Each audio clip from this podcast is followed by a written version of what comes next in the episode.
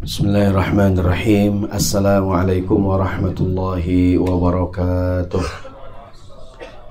Alhamdulillahi rabbil alamin Wassalatu wassalamu ala ashrafil anbiya wal mursalin. Sayyidina wa habibina wa syafi'ina wa maulana Muhammadin Wa ala alihi wa sahbihi wa sallim ajmain. Qala ta'ala fil Qur'anil karim A'udhu billahi minasyaitanir rajim Bismillahirrahmanirrahim وقالوا سبحانك لا علم لنا إلا ما علمتنا إنك أنت العليم الحكيم وقال تعالى بسم الله الرحمن الرحيم عاملة ناصبة تسلى نارا حامية صدق الله وصدق رسول الله صلى الله عليه وسلم yang saya hormati dan yang saya muliakan Bapak Ibu sekalian rekan-rekan di Majlis Taklim XL yang dirahmati Allah Subhanahu wa taala. Hari ini tanggal 18 Syawal 1438 Hijriah. Taqabbalallahu minkum taqabbal ya karim kullu amin wa antum bi khair. Mudah-mudahan semua amal yang kita lakukan di bulan Ramadan kemarin diterima Allah Subhanahu wa taala. Dan mudah-mudahan kita semua sehat, panjang umur, bisa berjumpa lagi dengan Ramadan di tahun yang akan datang. Baru saja Ramadan berlalu dari kita namun sudah kita merasakan kerinduan dengan bulan suci Ramadan ya. Kita ingin Mudah-mudahan sehat panjang umur. Amin ya rabbal alamin. Siang ini insya Allah kita akan membahas tentang bab judulnya beramal dengan penuh kepayahan namun berakhir dengan kesia-siaan.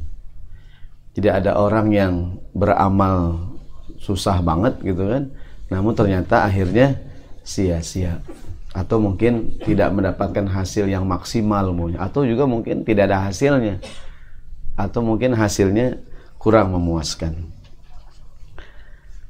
bermula dari sebuah riwayat diriwayatkan di dalam saya baca dalam tafsir Ibnu Katsir di halaman satu yang megang kitab kuning di halaman satu nih. Yang namanya kitab kuning nggak ada barisnya ya. Makanya Ustaz mau dibarisin nih. Emang sengaja saya nggak barisin dalam kurung kelupaan. Jadi marra Umar ibn al-Khattab radhiyallahu anhu bidairi rahibin. Diriwayatkan pada satu hari sahabat Umar ini juga merupakan oleh-oleh dari Ramadan kemarin. Satu hari sahabat Umar Ibnu Khattab radhiyallahu anhu beliau lewat di rumah seorang rahib Nasrani, seorang pendeta Nasrani. Mungkin Umar kenal dekat dengan rahib ini. Dia seorang uh, non-muslim, seorang ahli agama, tokoh agama uh, agama Nasrani. Mungkin kesehariannya, kehidupannya baik. Artinya orangnya baik gitu. Kan banyak juga teman-teman kita beda keyakinan tapi memiliki uh, apa namanya uh, perilaku yang baik, ya kan? Uh, budi bahasanya, orangnya jujur, kerjanya juga luar biasa gitu kan, amanah dan dia teman kita. Namun dia beda keyakinan. Nah Umar lewat di rumah seorang pendeta Nasrani ini, Fanadahu dipanggil oleh Umar, mungkin karena kenal dan akrab oleh Umar panggil, ya Rohib, wahai pendeta, Kemudian keluarlah pendeta dari rumahnya. Fa ashrafa. Begitu dia keluar, faja'ala Umaru yanzuru ilaihi wa yabki. Oleh Umar ini pendeta Nasani diperhatikan, diliatin, diliatin. Wa yabki dan Umar menangis. Umar nangis. Kenapa Umar nangis? Faqila lahu ada yang nanya, "Ya Umar, ya Amirul Mukminin, ma yubkika min hadza? Kenapa kamu nangis?" Kok ngeliat orang itu, ngeliat seorang pendeta Nasrani, engkau kemudian menangis?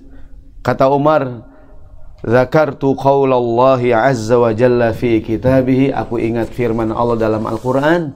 Amilatun nasibah.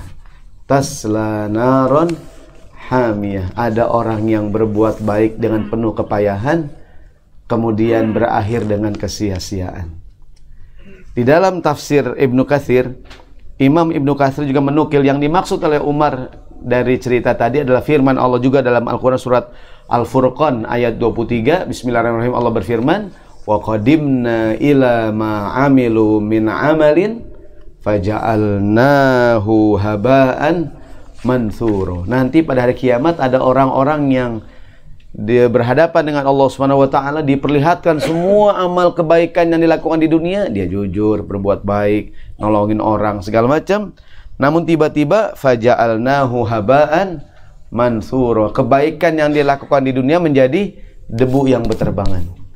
Di dalam tafsir Departemen Agama ada catatan kaki ayat Al-Furqan 23 ini. Yang dimaksud dengan amal mereka di sini ialah amal-amal mereka yang baik-baik yang mereka kerjakan di dunia namun amal itu tidak mendapatkan balasan oleh Allah karena mereka tidak beriman. Jadi yang pertama orang yang akan mendapatkan kesia-siaan dia beramal baik tapi tidak punya iman. Mungkin kita bilang Pak Ustadz Terus gimana? Kan teman saya dia non muslim. Dia baik banget. Kan Allah maha adil Pak Ustaz. Kan Allah maha adil. Ya nggak Diren? Masa dia berbuat baik, dia jujur, amanah, segala nolongin, fakir miskin, ada musibah, segala macam ditolongin. Nah nanti ada hadis Nabi yang menjelaskan balasan khusus buat orang ini nih. Tapi sebelumnya menjadi keyakinan kita bahwa yang namanya amal didasari dengan iman. Alladzina amanu wa amilus solihat. Innal insana lafi khusrin. Manusia rugi Siapakah yang tidak rugi? Illalladzina amanu wa amilus solihat. Yang tidak rugi beriman dan beramal soleh. Bahkan itu beramal soleh bukan cuma satu. Amanu wa amilus solihat. Beramal soleh yang banyak hadirin. Kalau masih amal soleh dikit masih belum masih belum untung masih rugi. Yang tidak rugi amanu wa amilus solihat. Beramal solehnya yang yang banyak. Jadi begitu uh, Umar ngeliatin nih pendeta Nasrani Umar liatin mungkin temen kan Umar kenal dia orang baik kan Umar nangis gitu tuh saya kemarin bulan Ramadan diundang buka puasa bersama di beberapa kantor kadang nih pesan Pak Ustadz ntar ceramahnya yang dengerin ada juga beberapa yang Nasrani atau agama lain bahkan ketika saya ceramah gitu kan selesai selesai ceramah ada beberapa juga yang cerita Pak Ustadz ini dia non muslim Pak Ustadz tapi dia ikutan puasa eh dia, saya nangis ada nangis saya tuh Kenapa nangis Pak Ustaz? Amilatun nasibah. Taslah. Nah, harus saya ingat Umar tuh. Umar juga nangis tadi. Saya bahkan salah satu kantor ada juga Pak Ustaz nih teman kita dia non muslim. Tapi rajin Senin Kamis Pak Ustaz. Nangis lagi saya hadirin. Yang nangis. Kenapa nangis Pak Ustaz? Amilatun nasibah. Taslah naron. Dia beramal dengan susah payah namun tidak ada balasan hadirin. Ada nggak saya mau teman kita dia orangnya jujur hadirin ada nggak nih kerja rajin banget hadirin ada nggak tuh Masuk kantor jam 8, jam 4 udah sampai hadirin. Rajin banget. Dia orang jujur, kerjanya rajin, prestasinya. Tapi dia, Pak Ustadz, yang kurang dari dia cuma satu Pak Ustadz. Apaan? Dia belum sahadat doangan Pak Ustadz. Kadang-kadang dia non muslim, dia ikut puasa hadirin, ya enggak? Ada nggak tuh? Kadang dia ikut kegiatan orang Islam, mungkin neneknya, kakeknya ada yang muslim gitu, ya kan? Dan dia juga kasariannya, pokoknya dia malahan saya sama maaf teman saya yang Islam kadang-kadang nggak sejujur dia Pak Ustadz dia orangnya jujur banget. Yang yang kurang satu, kurang apa hadirin? Enggak sahadat doangan, tapi fatal hadirin. Ya enggak? Wa qadimna ila ma amilu min amalin faja'alnahu haba'an mansuro. Di ayat lain Allah berfirman di halaman 2 di surat Ibrahim ayat 18 Bismillahirrahmanirrahim Allah berfirman mathalul ladzina kafaru bi rabbihim a'maluhum karamadin ishtaddat bihir rihu fi yaumin asif orang-orang yang kafir kepada Allah amalan mereka adalah bagaikan abu yang ditiup angin dengan keras. Jadi ada ada batu mungkin, ada tanah gitu, ada ada debu di atasnya banyak. Datang angin kencang. Gitu kan? Angin bertiup kencang yang berangin kencang la yaqdiruna mimma kasabu ala syai'in. Mereka tidak mendapatkan, tidak dapat mengambil manfaat sedikit pun dari apa yang telah mereka lakukan di dunia. Dzalika huwa dhalalul ba'id inilah kesesatan yang paling jauh. Jadi kadang-kadang eh, apa namanya? Semua kebaikan dia punya tadi teman kita, ada nggak dari teman kita dia non muslim ada nggak tuh? Dia ngomongnya juga baik gitu kan segala macam, tapi juga aduh kurang satu doang Pak Ini kalau pakai jilbab Pak aduh. Nangis kita hadirin. Amilatun nasibah. Kenapa Mas nangis Mas? Enggak Mbak, saya ingat Umar. Ya, gitu. gitu. Jadi sahabat Umar ngelihat seorang, mungkin Umar kenal dekat dengan pendeta Nasrani dan Umar tahu dia baik. Jadi dia beramal tapi tidak memiliki iman. Di ayat lain walladzina kafaru a'maluhum kasarabim biqi'atin yahsabuhu zam'anu ma'an hatta idza ja'ahu lam yajidhu syai'an dan orang kafir amal mereka laksana fata morgana di tanah yang datar yang disangka air oleh orang yang dahaga tetapi bila didatanginya air itu dia tidak mendapatinya sesuatu apa pun. Disangkanya air, ternyata hanyalah fata morgana. Maka yang namanya amal diawali dengan iman. Kayak orang sekolah hadirin, tiap hari hadir ke kampus hadirin. dengerin dosen ngajar, tapi nggak kedaftar hadirin. Wisuda nggak hadirin? Kagak nggak wisuda, kan saya rajin Pak Ustaz. Lalu nggak daftar. Ini nggak hadirin. Ada orang dia rajin banget di Excel-nya dibantu-bantu semua dikerjain hadirin. Cuman bukan karyawan hadirin, dapat gaji nggak hadirin? Kagak, terima kasih banget. Ya lu nggak terdaftar di perusahaan. Hadirin. Jadi kalau ingin mendapatkan balasan ngapain hadirin? Terdaftar dulu ya, dia terdaftar sebagai karyawan segala macam gitu kan. Kalau dia ustadz kali yang nggak terdaftar juga diongkosin juga tadi. Amin gak ada yang amin ya amin ya. Jadi ada orang bantuin kerjaan kita, maka orang suka bilang gini, nyari nyari kerjaan di Jakarta susah. Salah Dirin. Iya enggak? Nyari kerjaan banyak nggak? Banyak. Cuman kagak ada gaji Dirin. Iya enggak? Nyari kerjaan susah gampang. Nyapuin jalanan kerjaan bukan? Kagak ada yang bayar Dirin. Nyari kerjaan banyak yang gaji nggak ada. Nah, tadi saya katakan, Ustadz kan Tuhan Maha Adil. Nah, lihat hadis Nabi di halaman 3 dari sahabat Anas berkata Rasulullah Shallallahu Alaihi Wasallam kata Nabi Innal kafir orang yang non Muslim itu Ida amila hasanatan kalau dia berbuat baik di dunia. Ada non muslim menyantuni anak yatim. Non muslim berbuat kebaikan amal sosial segala macam. Sekarang banyak kan nih penemu-penemu segala macam dan dia non muslim banyak kan Dirin? Dia menemukan. Dan kita orang Islam mengambil manfaatnya nggak nih? Mengambil manfaatnya Dirin. Banyak penemu-penemu dan mereka non muslim bahkan sekarang zaman kecanggihan teknologi kan banyak mungkin penemu-penemu segala macam kan dalam bidang telekomunikasi mereka tidak dan berguna buat orang banyak hadirin Apakah kemudian nggak dapat apa-apa? Nah, kata Nabi, idza amila hasanatan, orang yang non muslim kalau berbuat kebaikan, ut'ima biha ta'matan minad dunya. Dia akan diberikan balasan di dunia. Dikasih makan di dunia, dikasih rizki di dunia, balasan dunia namanya harum, namanya terkenal, dipuji-puji, mendapatkan award, mendapatkan mendapatkan penghargaan, ya nggak Ya kan? Mendapatkan segala macam kan namanya harum nggak tuh? yang terkenal ya kan? Dia menemu ini menemu ini namanya di buku-buku sejarah tertulis nggak tuh? Jadi orang yang non muslim kalau berbuat baik langsung dibalas di mana? Dunia. Wa ammal mu'min. Adapun orang yang beriman fa inna Allah taala yudakhiru lahu hasanatihi fil akhirah. Adapun orang yang beriman kalau dia berbuat baik balasannya nanti di akhirat. Tapi wa yaqubuhu wa yaqibuhu rizqan fid dunya ala taatihi. Namun kadang-kadang didahulukan sedikit bonus balasan di dunia atas kebaikannya. Tapi balasan yang benar di mana hadirin? Tadi akhirat. Cuman kadang-kadang kita karena rajin hadirin di dunia dikasih rezeki ya enggak? Ada orang katanya kalau sedekah ntar hartanya berlimpah. Apakah itu balasannya hadirin? Bukan. Orang sedekah 700 kali lipat di mana hadirin? Tadi akhirat. Namun kadang-kadang Allah kasih DP Kapan DP tuh? Dewa Persik ya, bukan nih. Dia dikasih apa namanya tuh persekot hadirin, ya enggak? Dikasih pendahuluan di dunia, ya enggak? Badannya sehat, urusannya lancar, gara-gara dia berbuat baik. Namun balasan sebenarnya di mana? Tadi akhirat. Dalam riwayat lain, innallaha la yazlimu mu'minan hasanatan. Allah tidak pernah berbuat zalim. Kalau ada seorang mukmin yang berbuat baik, yu'ti biha fid dunya wa yujzi'u biha fil.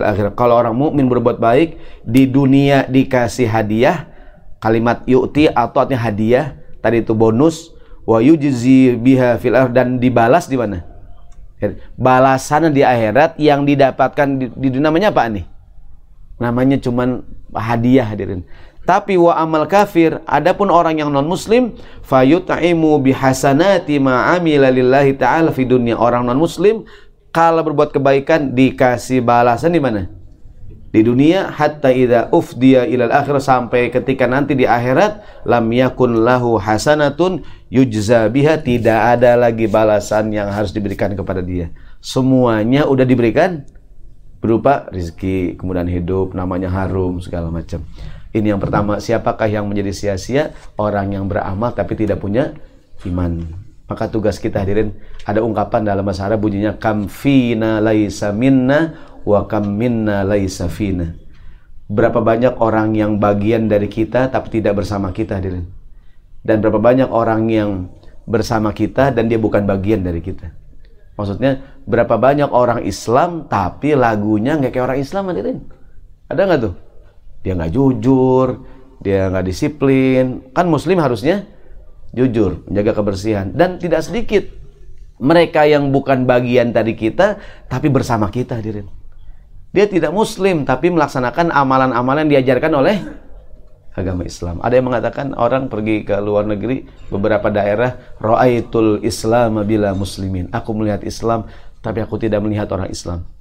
Dan kadang-kadang aku pergi ke satu negeri wa ra'aitul muslimina bila Islam. Aku melihat banyak orang Islam namun tidak ada nggak ada Islamnya begitu. Mudah-mudahan kita menjadi representasi atas Islam kita. Amin ya rabbal alamin.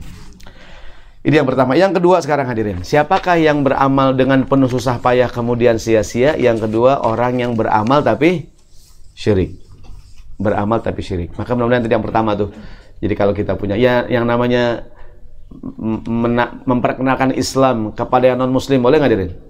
Boleh dengan cara yang baik, ya kan? Dengan cara yang baik. Mudah-mudahan orang lain tertarik dengan Islam tadi dengan kebaikan kita. Dan saya katakan berapa banyak teman kita semuanya baik, yang kurang cuma atu, kurang apa hadirin? dia nggak sadar Tuhan nggak sadar artinya dia tertarik sama Islam. Bahkan dia bahkan kadang-kadang ikutan ikutan ikutan apa namanya? Ikutan ibadah gitu ya. Kurang cuma satu tuh. Saya kemarin ngisi acara buka puasa bersama di KPK ya. ada acara KPK mendengar ada pimpinan ada Pak Saud Situmorang saya ceramah gitu kan selesai ceramah Pak Ustadz saya boleh nggak hadir kalau Pak saya bilang kata Pak, Pak Saud dia Pak Ustadz ngajar juga di kajian rutin bulanan KPK. Wah bagus bagus bagus. Boleh nggak saya hadir? Ya, kata apa? Tapi di masjid Pak, Pak oh iya katanya. Ya, nanti mungkin banyak orang non Muslim perlu mendengarkan Islam hadirin. Ya, kan? Ada atau ada ada orang-orang yang mungkin ya, ya mudah-mudahan ya orang-orang yang mungkin tertarik dengan Islam tapi perlu kesempatan gitu kan. Tadi kasih bilang ya banyaklah teman-teman kita hadirinnya itu dia non Muslim tapi cuman kurang satu doang. Kurang apaan tuh? sahadat Tuhan. Kita kalau ngeliat tuh nangis hadirin, aduh kenapa nangis Pak Ustaz? Amilatun nasibah taslanarun hamiyah. Yang kedua, siapakah orang yang sia-sia beramal tapi syirik? Allah berfirman, "Wa ma umiru illa liya'budullaha mukhlisin." Kita disuruh beribadah dengan syarat ngapain? Ikhlas. Sementara orang yang beramal tapi syirik di halaman 4 surat Al-An'am 88 walau asyraku la habita anhum ma kanu ya'malun. Kalau mereka syirik batal semua sia-sianya. Batal semua amalnya. Ziarah kubur sunnah bukan? Ibadah bukan? Tapi nggak boleh syirik hadirin. Nggak boleh syirik ya. ada orang ke kuburan bawa tanah kuburan segala macam. Lama-lama ambles ya. Gitu kan. Saya ingat tuh pesan Bu Sinta Nuriyah ya, istrinya Gus Dur kan kan dia pesan mohon dong kepada yang ziarah ke kuburan suami saya jangan ambilin tanahnya teramblas suami saya gitu tuh Kan banyak orang ke makam Gus Dur nyari berkah dirinya nggak tuh? Yang buat tanah kuburan. Waktu almarhum Ustadz Jeffrey meninggal dunia kan, kan banyak nggak orang ke kuburnya bawa kembang segala macam. Kalau pohon kelapa ini tabrak di Pondok Indah tuh kan, ada yang ngambil tanahnya gitu. Dia ziarah cuman melakukan kemusyrikan jadi sia-sia. Jadi yang kedua yang namanya ibadah jadi sia-sia kalau syirik. Bahkan pernah satu hari ini ada halaman 5 seorang sahabat Mi'qal bin Yasar cerita. Pernah aku bersama Abu Bakar ketemu Nabi. Sallallahu Alaihi Wasallam. Nabi berkata begini, Ya Abu Bakrin, inna syirka akhfa min dabi inna la syirku akhfa min fikum akhfa inna syirka fikum akhfa min dabi bin namli wahai Abu Bakar syirik itu kadang-kadang lebih halus dibandingkan suara semut yang jalan semut lagi jalan hadirin tuh semut jalan rame-rame semut yang paling gede dah semut apa tuh semut bakot ya itu semut bakot Semut terang-terang hadirin. Semut terang-terang pimpinannya lagi yang paling gede lah begitu kan. Yang Bangkok gitu, semut, semut terang-terang Bangkok kan. Itu lagi jalan di tembok, semut jalan iring-iringan. Suaranya kedengeran nggak hadirin? Kata Nabi syirik lebih halus dari itu. Maksud Nabi, kadang-kadang tanpa terasa kita melakukan kemusyrikan. Saya baca di kitab uh, di kitab Adabul Mufrad, kata Nabi nggak boleh kita mengucapkan Allah dan ibuku. Seperti gini, kan orang mendapatkan award naik ke panggung. Ya, uh, thanks to uh, yang pertama saya ucapkan terima kasih kepada Allah Subhanahu wa taala. Uh, yang kedua kepada ibu saya. Itu nggak boleh hadirin. Seolah-olah menyamakan Tuhan dengan ibu kita sejajar. Kata Nabi kalau boleh Allahu summa ya kalau mau kalau mau dikasih jarak hadirin. Jadi saya ucapkan terima kasih kepada Allah Subhanahu wa taala yang telah memberikan hidayah kepada saya memberikan saya panjang umur kesehatan segala macam. Udah panjang udah lama. Yang kedua juga saya ucapkan terima kasih kepada kedua orang tua saya. Karena kalau bareng seolah-olah Allah dengan orang tua kita sahabat tuh? Sejajar hadirin. Gitu tuh. Ya kayak begini. Maka kata Nabi syirik halus banget bahkan lebih harus dibandingkan suara semut. Kadang gini hadirin. Uh, Bapak mana sakit ya Pak? Iya sakit. Oh sekarang udah sembuh Pak? Ya saya pas minum bodrek langsung sembuh Pak Ustaz. Itu syirik kan? Iya. Yang benar apa tuh? Saya disembuhkan oleh Allah gara-gara minum bodrek Pak Ustaz. Gitu Dirin. Karena kalau langsung minum seolah-olah gitu ya. Ustaz semuanya syirik dong. Iya kadang-kadang Dirin. Begini nih. E, kalau kita bilang e, apa Dirin? E, manjada wajada. Itu syirik ya Dirin? Yang benar apaan? Manjada insya Allah wajada. Gitu hadirin. Pakai insya Allah gitu, insya Allah. Karena kata Al-Quran, La taqulanna li syai'in inni fa'ilun dzalika ghadan illa jadi secara akidah bermasalah gitu. Yang benar eh, siapa yang sungguh-sungguh insya Allah dia akan sukses. Karena kadang nggak juga hadirin, betul nggak? Ya, walaupun ustadz syirik semua dong. Ya kan, mansobaro, zofiro. Kurang hadirin. Yang benar mansobaro, Insya Allah, yang sabar, insya Allah. Tapi kurang enak ya, karena yang namanya motivasi kan mesti gitu ya. I believe I can fly gitu kan. Maksudnya yang namanya motivasi emang mesti gitu ya. Kalau motivasi manjada, insya Allah, wajar kayaknya kurang enak gitu dirin. Ya. Cuma secara akidah dia mesti ada insya Allah dirin, betul nggak? Ya kan? Rajin pangkal kaya, kurang dirin. Betul, rajin, insya Allah pangkal kaya. Berapa banyak eh, hemat pangkal kaya, betul nggak tuh? Yang yang benar hemat insya Allah. Karena berapa ya teman kita hemat nggak kaya kaya dia ada nggak tuh? Dia nggak pernah nelpon miss call doang kan miss call ada ya, tapi nggak kaya kaya dia ya, dia pakai WA miss call. Ya Allah. Udah pakai WA miss call. Jadi ya, maka kata Nabi Ustadz lu sirik semua. Emang begitu hadirin ya enggak yang betul kita disembuh sakit disembuhkan oleh Allah gara-gara minum obat. Cuman kelamaan hadirin Ustadz udah udah sembuh. Katanya sakit saya kemarin minum panadol pak. Itu syirik yang betul. Saya kemarin disembuhkan oleh Allah subhanahu wa taala gara-gara saya minum panadol. Itu kepanjangan ini ya, ya kan? Panjangan seperti ada lagu demi langit dan bumi aku bersumpah Mansur S. Hadirin. Itu syirik hadirin. Demi langit dan bumi aku bersumpah kayaknya pura-pura ini. Lagu Mansur itu syirik yang betul betul demi yang menciptakan langit dan bumi aku bersumpah. Gitu hadirin. Cuma kepanjangan hadirin. Ya gitu tuh. Jadi bahkan lagu-lagu cinta kebanyakan syirik nggak tuh? Engkaulah hidupku engkaulah matiku. Ya enggak separuh jiwaku pergi. Itu syirik hadirin. Ya enggak yang betul apa inna solati wa nusuki wa mahyaya wa mamati lillahi rabbil begitu hadirin Ya kan? Kan hidupmu hanya untukmu. Sirik gak tuh? Sirik hadirin. Maka kata Nabi, wahai Abu Bakar, sirik itu lebih kata Abu Bakar ya Rasulullah, asyirku illa man wa syirku illa man ja'ala ma'allahi ilahan akhir. Rasulullah bukannya syirik itu menjadikan sembahan lain selain Allah? Iya. Kata Nabi enggak. Syirik itu lebih halus dibandingkan semut yang jalan. Maka kadang-kadang ya tadi walaupun si kita ngomong tadi kan kalau bapak kok sakit? Gampang banget pak. Saya pas ke dokter dia langsung sembuh Pak Seolah tuh dokter nyembuhin. Padahal siapa yang menyembuhkan? Allah hadirin. Allah. Jadi tadi tuh secara akidah kadang-kadang gitu yang betul manjada insya Allah wajad. Cuman kan kurang mantep ya. Dengan manjada wajada. Ah gitu ya. Besok pakai insya Allah dah. Manjada. Secara akidah begitu tuh. Orang Pak Ustadz itulah yang namanya karya sastra kadang-kadang lebay itu yang namanya ya begitulah kayak sastra kan. Yang namanya kayak sastra kadang-kadang begitu ya, ya ya begitu berlebihan. Tapi ya tadi kata Nabi SAW ingat jangan sampai kita beribadah tanpa sadar ibadah kita syirik hadirin. Puasa kita.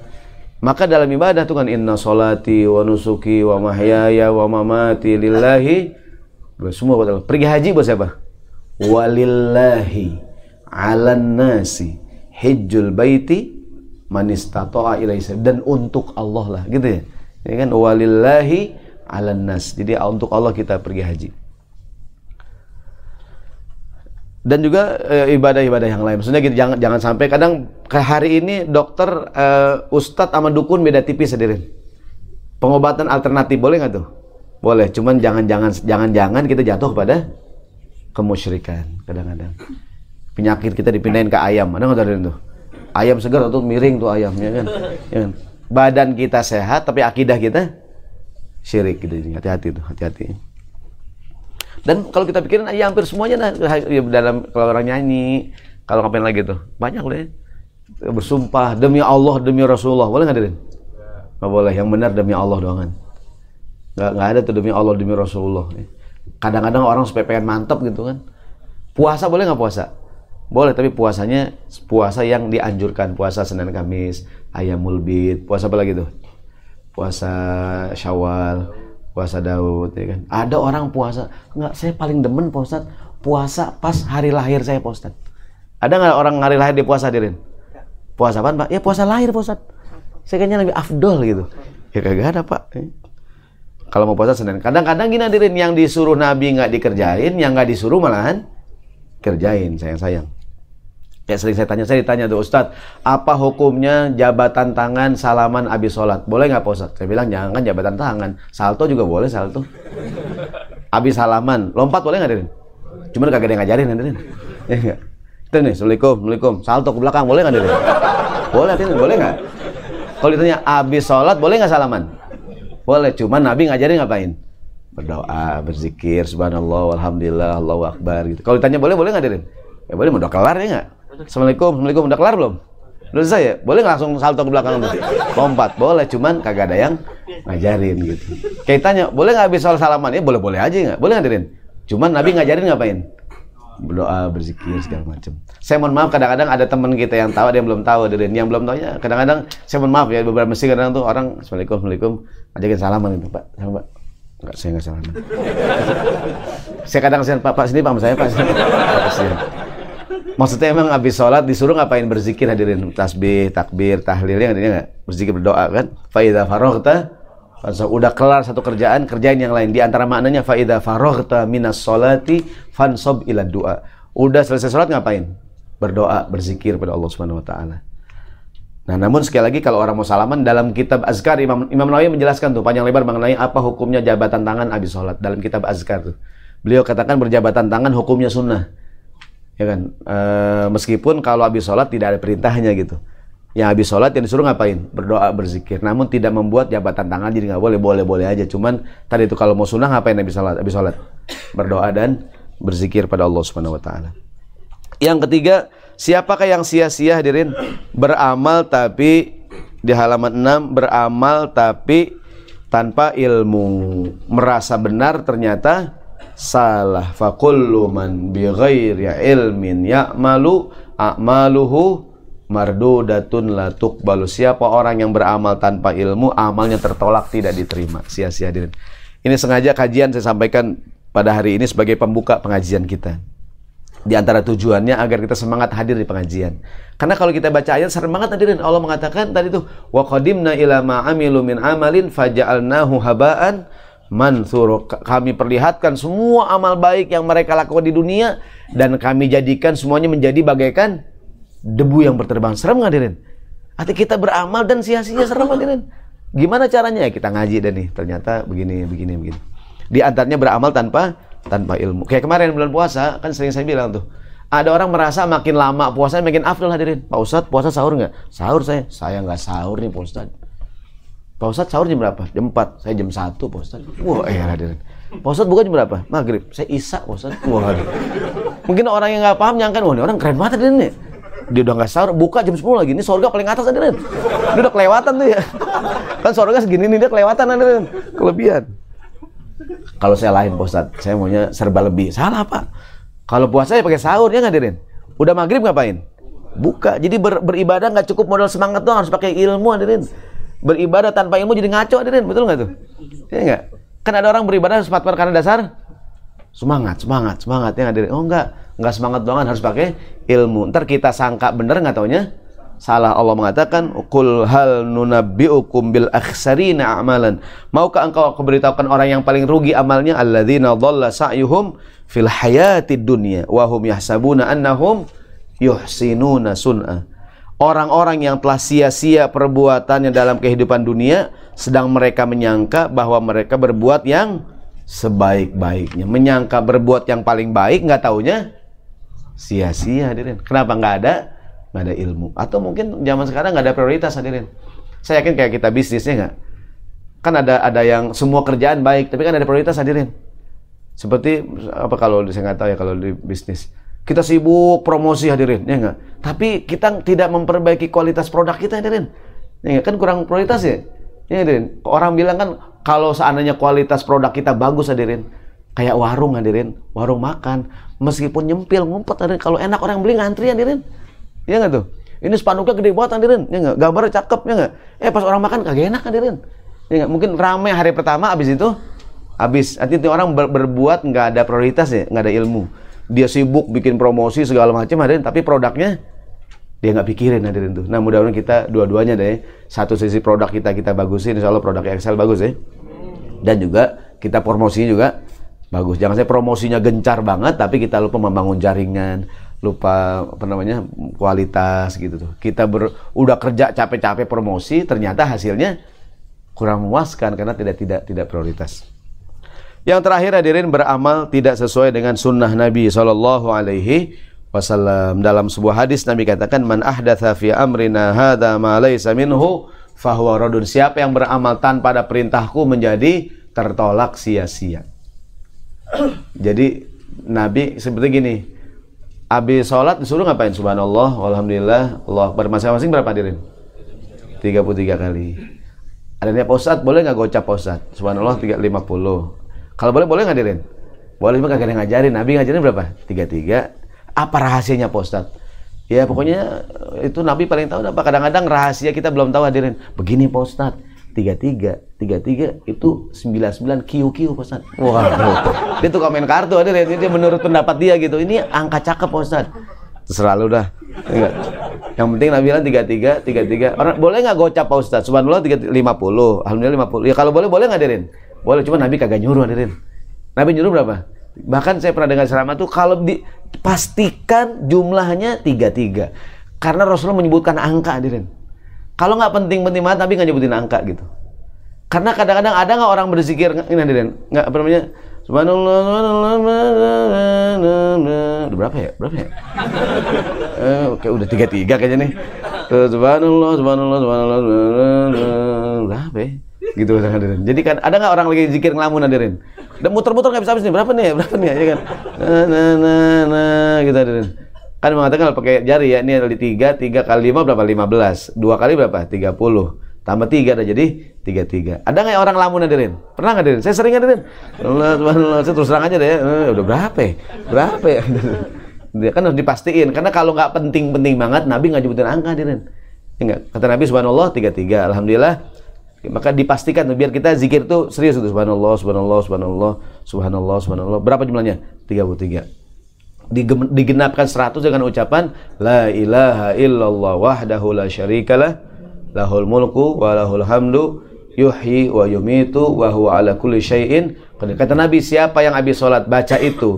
Subhanallah 33 alhamdulillah 33 Allah akbar 33 dan itu dengan tadi kata Nabi ghufirat khotoyahu wa in kanat mithla zabadil bahri. Dia ampunin dosa-dosanya meskipun dosa-dosanya setinggi gunung. Gitu hadirin maka yang sunnah tadi itu kan ber, ber, bertasbih, bertakbir, bertahmid setelah setelah sholat. Jadi orang suka nanya boleh nggak begini ya kalau boleh sih ya boleh boleh aja kan. Cuma Nabi nggak ngajarin gitu. Yang enak beribadah dengan ibadah yang Nabi ajarkan Shallallahu Alaihi Wasallam. Kayak tadi ada orang puasa gitu kan, yang puasa yang Nabi ajarin dia nggak kerjain, dia ngarang-ngarang puasa baru hadirin ada nggak tuh? Ya enggak? Puasa yang Nabi ajarin dia nggak kerjain, dia ngarang-ngarang puasa. Nah, zikir yang Nabi ajarin dia nggak baca, dia malahan ngarang-ngarang zikir baru hadirin. Jadi mendingan berzikir, ber, beribadah, puasa, sholat atau apa pun gitu ya. Dengan yang Nabi ajarkan Shallallahu Alaihi Wasallam. Yang keempat, yang berikutnya, yang sia-sia adalah halaman tujuh banyak beramal saat di dunia, namun diam-diam suka berbuat dosa, suka berbuat maksiat, maka akan menjadi sia-sia. Diceritakan oleh Nabi seorang sahabat namanya Thauban. Dia meriwayatkan Rasulullah kumpul dengan para sahabat. Kata Nabi SAW begini, kata Nabi, La u'allimanna aqwaman min ummati. Eh, maaf, eh, Thauban meriwayatkan Rasulullah bersabda, kata Nabi, La u'allimanna aqwaman min ummati ya'tuna yaumal qiyamah bihasanati mithla jibali tahamatin bayadha. Kata Nabi hari kiamat nanti ada seorang bawa pahala amal ibadah banyak seperti bukit Tihamah di Madinah, di Mekah ada bukit besar dan bukit Tihama, kayak bukit Uhud. Jadi ukuran kadang-kadang. Tiba-tiba kata Nabi menghadap Allah, faja'a fayaj'aluhallahu haba'an mansura. Tidak berubah menjadi debu yang berterbangan. Jadi amalnya hilang. Sahabat ya Rasulullah, sifhum lah siapa mereka Nabi? Julluhum lana jelaskan pada kami agar kami tidak seperti mereka. Qala kata Nabi ini, mereka adalah innahum ikhwanukum. Mereka saudara kamu juga. Wa min jildatikum. Satu kulit dengan manusia juga, saudara kalian juga, teman kalian juga yakhuduna minal laili kama ta'khudun. Mereka qiyamul lail juga.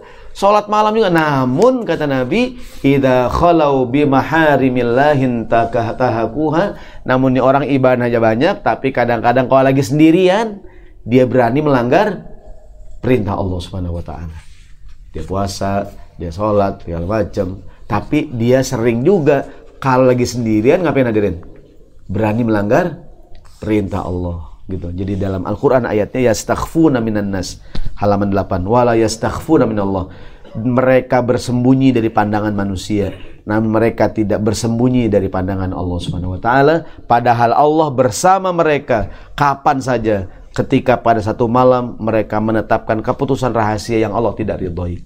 Jadi kalau ada orang dia baik, nggak ada orang diam-diam suka berbuat maksiat. Hari kiamat kata Nabi menghadap Tuhan pahalanya jadi sia-sia. Jangan sampai kita hadirin kita ibadah, berbuat baik. Ada yang mengatakan kita adalah manakala kita sedang sendirian. Siapakah kita sebenarnya saat kita sedang sendirian? Mungkin saat rame-rame bukan kita hadirin, ini orang lain. Jadi kalau ingin mengetahui siapa kita, lihatlah apa yang sedang kita lakukan saat kita sedang sendirian. Insya Allah kita lagi sendirian baik ya. Ada kami nih. Karena kalau XL saya tahu lah karyawannya memang soleh semua ya soleh dan soleha. Mudah-mudahan ya lagi rame-rame baik, lagi sendirian juga. Jadi kalau ingin mengetahui siapa kita hadirin, lihatlah apa yang sedang kita lakukan kalau kita lagi sendirian, di rumah lagi sendirian, di ruangan sendirian. Dalam kesendirian kita, apakah yang kita lakukan itulah kita yang sebenarnya. Jangan sampai nanti menghadap Allah pahala kita banyak atau jadi jadi sia-sia. Yang terakhir, siapakah yang sia-sia? Orang yang beramal banyak di dunia, halaman terakhir, namun diam-diam suka berbuat zolim pada orang lain. Kata Nabi pada para sahabat, wahai, wahai sahabatku, tahukah kalian siapakah orang yang paling rugi?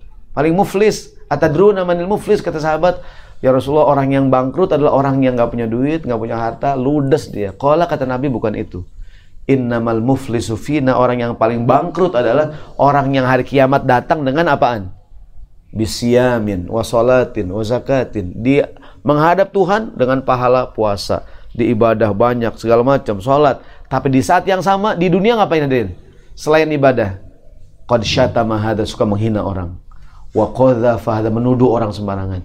Wa akala mala makan harta orang lain. Di dunia berbuat zalim hadirin. Apakah yang terjadi hadirin? Hari kiamat pahala dia dikasih ke orang lain. Lama-lama habis nggak pahalanya nih kalau pahalanya habis, dosanya masih banyak, dosa orang diambil, dilemparin ke dia, kepada dia, lama-lama dilemparkan orang ke dalam api neraka. Jadi orang yang paling bangkrut, paling rugi. Mudah-mudahan kita tidak demikian.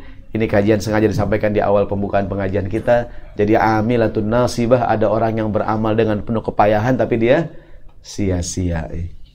Maka kalau kita ngeliat orang berbuat baik, tadi itu nggak ada imannya, berbuat baik tapi syirik, berbuat baik tapi suka berbuat soal bilangin kamu. Ada kadang-kadang dia kalau ibadah rajin dan ibadah individu, ya gak? Dia soleh secara pribadi, tapi tidak soleh secara sosial hadirin. Dia puasa sunnah segala macam, tapi ngomongnya ngomongnya nyakitin ada hadirin tuh. Ngomongnya ini dia tidak amanah, ngambil hak orang lain. Kita ingetin eh tentang hari kiamat sia-sia amal kamu Kenapa? Engkau berbuat baik tapi diam-diam melakukan kezoliman. Berbuat baik diam-diam berbuat maksiat. Berbuat baik tapi diam-diam syirik. Berbuat baik tapi kemudian tadi perlu tidak punya eh, dasar iman. Wallahu a'lam mudah-mudahan yang disampaikan di awal pengajian kita jadi bahan muasabah buat kita semua agar yang kita lakukan mendapat balasan yang terbaik di sisi Allah Subhanahu wa taala wallahu a'lam bissawab. Saya serahkan kepada pembawa acara. Assalamualaikum warahmatullahi wabarakatuh. Kita masih ada dua menit waktu mungkin bisa satu pertanyaan saja. Silakan hadirin ada yang mau menambahkan? eh, rekan sekalian yang mungkin ada uh, mau ditanyakan satu pertanyaan boleh. Silakan. Kalau tidak ada mungkin cukup. Tanya jawab boleh nanya boleh jawab nih atau ada offline Oh, ya silakan. Waalaikumsalam. mau bertanya tentang uh, beramal tanpa berilmu. Uh, Apakah yang dikatakan beramal tanpa berilmu yang kita ketahui tapi kita tidak uh, menghafal dalil atau ayat atau hadis apakah bisa dikatakan beramal tanpa ilmu apakah beramal dengan ilmu itu harus menghafal uh, Iya. dasarnya itu Baik, jazakallah pertanyaan bagus sekali ya. Jadi gini hadirin, kan orang tuh level-level ya. Tingkatan yang pertama namanya mukallid. Mukallid itu orang yang ngikutin. Dia bilang taklid ya. Taklid itu kan ngikut-ikutan. Ada istilah taklid buta. Taklid a'ma, ngikut-ngikutin. Punya dia asal ngikut aja gitu. Kata Nabi la takun imma'atan, jangan jadi orang yang suka ikut-ikutan kayak bebek gitu hadirin. In ahsanana suka orang berbuat baik, kamu baik. Orang jelek, kamu jelek. Jadi yang pertama ada level kita beragama yang pertama namanya taklid, mukallid namanya. Taklid tapi jangan taklid yang begini. Kita ngikutin tapi kita belajar hadirin. Jadi ini kita kerjain tapi kita tahu ilmunya. Seperti begini. Ada kawan kita sholat tangannya di sini. Ada yang di sini, ada yang di sini. Saya bilang gimana? Ya silakan asal dia tahu dalilnya. Jangan cuma ikut-ikutan. Kenapa kamu begitu? Guru saya begini, Ustaz. Guru saya, jadi harus tahu kenapa begini, kenapa begitu hadirin. Jadi yang pertama kita kita masih kita saya mengikuti pendapat madhab Syafi'i. Saya mengikuti pendapat madhab Maliki. Tanya bahwa bahwa kalau sholat tangan di sini, kalau begini begini, kalau begini begini. Jadi namanya saya taklid, taklid ini, taklid ya. Saya ngikutin tapi saya berusaha belajar gitu. Pengertian belajar tidak mesti menghafal semua, tapi dia tahu bahwa, bahwa bahwa dalam Islam tuh begini. Jadi ketika saya begini, kenapa kita bikin sutroh hadirin? Ya enggak? Karena ada hadisnya, ya enggak? Ada larangan Nabi, jangan sampai kita apa namanya? Termasuk yang sunnah adalah kita membuat sutroh di depan sholat, jangan sampai orang lain lewat di depan kita kita sholat. Kan ada ada ada, ada dalilnya gitu. Walaupun ini para ulama berbeda pendapat apa bentuknya sutroh. Apakah harus begini? Nanti ada yang yang penting dia punya ada yang mengatakan garis soft itu juga bagian dari sutroh. Itu jadi kalau kita melewat harus melewati di di atas di atas garis. Ada yang mengatakan oh enggak sutroh harus dia memiliki tinggi. Nah, itu kan gitu ya. Namanya berbuat dengan ngikutin yang kedua hadirin mengikuti bukan hanya dia punya ilmu, dia bisa memilih-milih. Seperti gini, Ustadz apakah wajib mengikuti pendapat madhab? Ya nggak wajib. Ya kan? Cuman sehebat, boleh nggak saya pendapat sendiri? Boleh. Cuman sehebat apa pun kita belajar, ujung-ujungnya sama juga hadirin. Karena ulama-ulama madhab itu, ya apa gini misalnya, eh, yang mereka lakukan, ya ber- ber- mereka beristihad gitu kan, dan sampai kepada istihad mereka. Jadi kak, pertama, saya nggak mesti ngikutin pendapat Syafi'i, saya boleh ngikutin pendapat yang lain. Eh, dengan cara ngapain? Jadi yang pertama namanya saya taklid ngikutin dengan belajar. Lama-lama saya mungkin mulai belajar memilih. Saya masalah ini ngambil ini, saya ini ngambil ini. Saya tidak bermazhab, tapi saya ngikutin pendapat. Cuma kan perlu waktu ngadirin. Perlu waktu ya saya harus oh dalam masalah menurut pendapat saya pendapat Imam Syafi'i dan Imam Maliki masalah ini gitu kan. Ternyata eh, yang dilakukan para sahabat gini kan kadang-kadang ini hadisnya kan umum hadirin. Ya kan? Nan- Nanti detailnya orang berinterpretasi ya, detailnya kan. Kemudian yang yang berikutnya kalau sudah kita belajar belajar belajar belajar terus mungkin sampai pada titik kita boleh beristihad hadirin. Kita boleh berpendapat sendiri kan. Nanti ada syurutul mujtahid, syarat-syarat seorang mujtahid. Dia harus menghafal Quran, dia harus harus hadis sekian, dia harus begini gini gini gini. Saya tidak mengikuti pendapat apa pun, saya beragama, saya pelajari sendiri gitu. Walaupun ujung-ujungnya sama hadirin. Ya mirip-mirip juga gitu. Tapi ya ba- bagus sekali tadi bahwa beragama harus pakai ilmu. Tidak mesti hafal tapi tahu hadirin bahwa bahwa begini tuh dalilnya begini. Karena tidak sedikit juga banyak eh, saudara kita eh, beragama dengan ikut ikut-ikutan gitu. Nah, dan minimal kalau ha- ada hal yang baru yang kita tidak paham, boleh nggak nanya? Boleh hadirin, boleh. Ustadz kenapa begini ya? Kenapa begitu? Biar kita tahu. Jangan sampai kita melakukan sebuah amalan, kita terus-terusan nggak tahunya kita nggak ada dalilnya hadirin. Seperti begini, or- banyak ada orang wudhu, setiap wudhu tuh begitu leher dibasuh gitu ini, ada nggak tuh? Orang basuh leher belakang hadirin. Ya nggak gitu ya, ya gitu kan? Atau ada orang kadang-kadang eh, Assalamualaikum warahmatullahi Assalamualaikum warahmatullahi gitu ya. Kenapa Pak? Ya saya guru saya begini Ustaz. Gitu kan?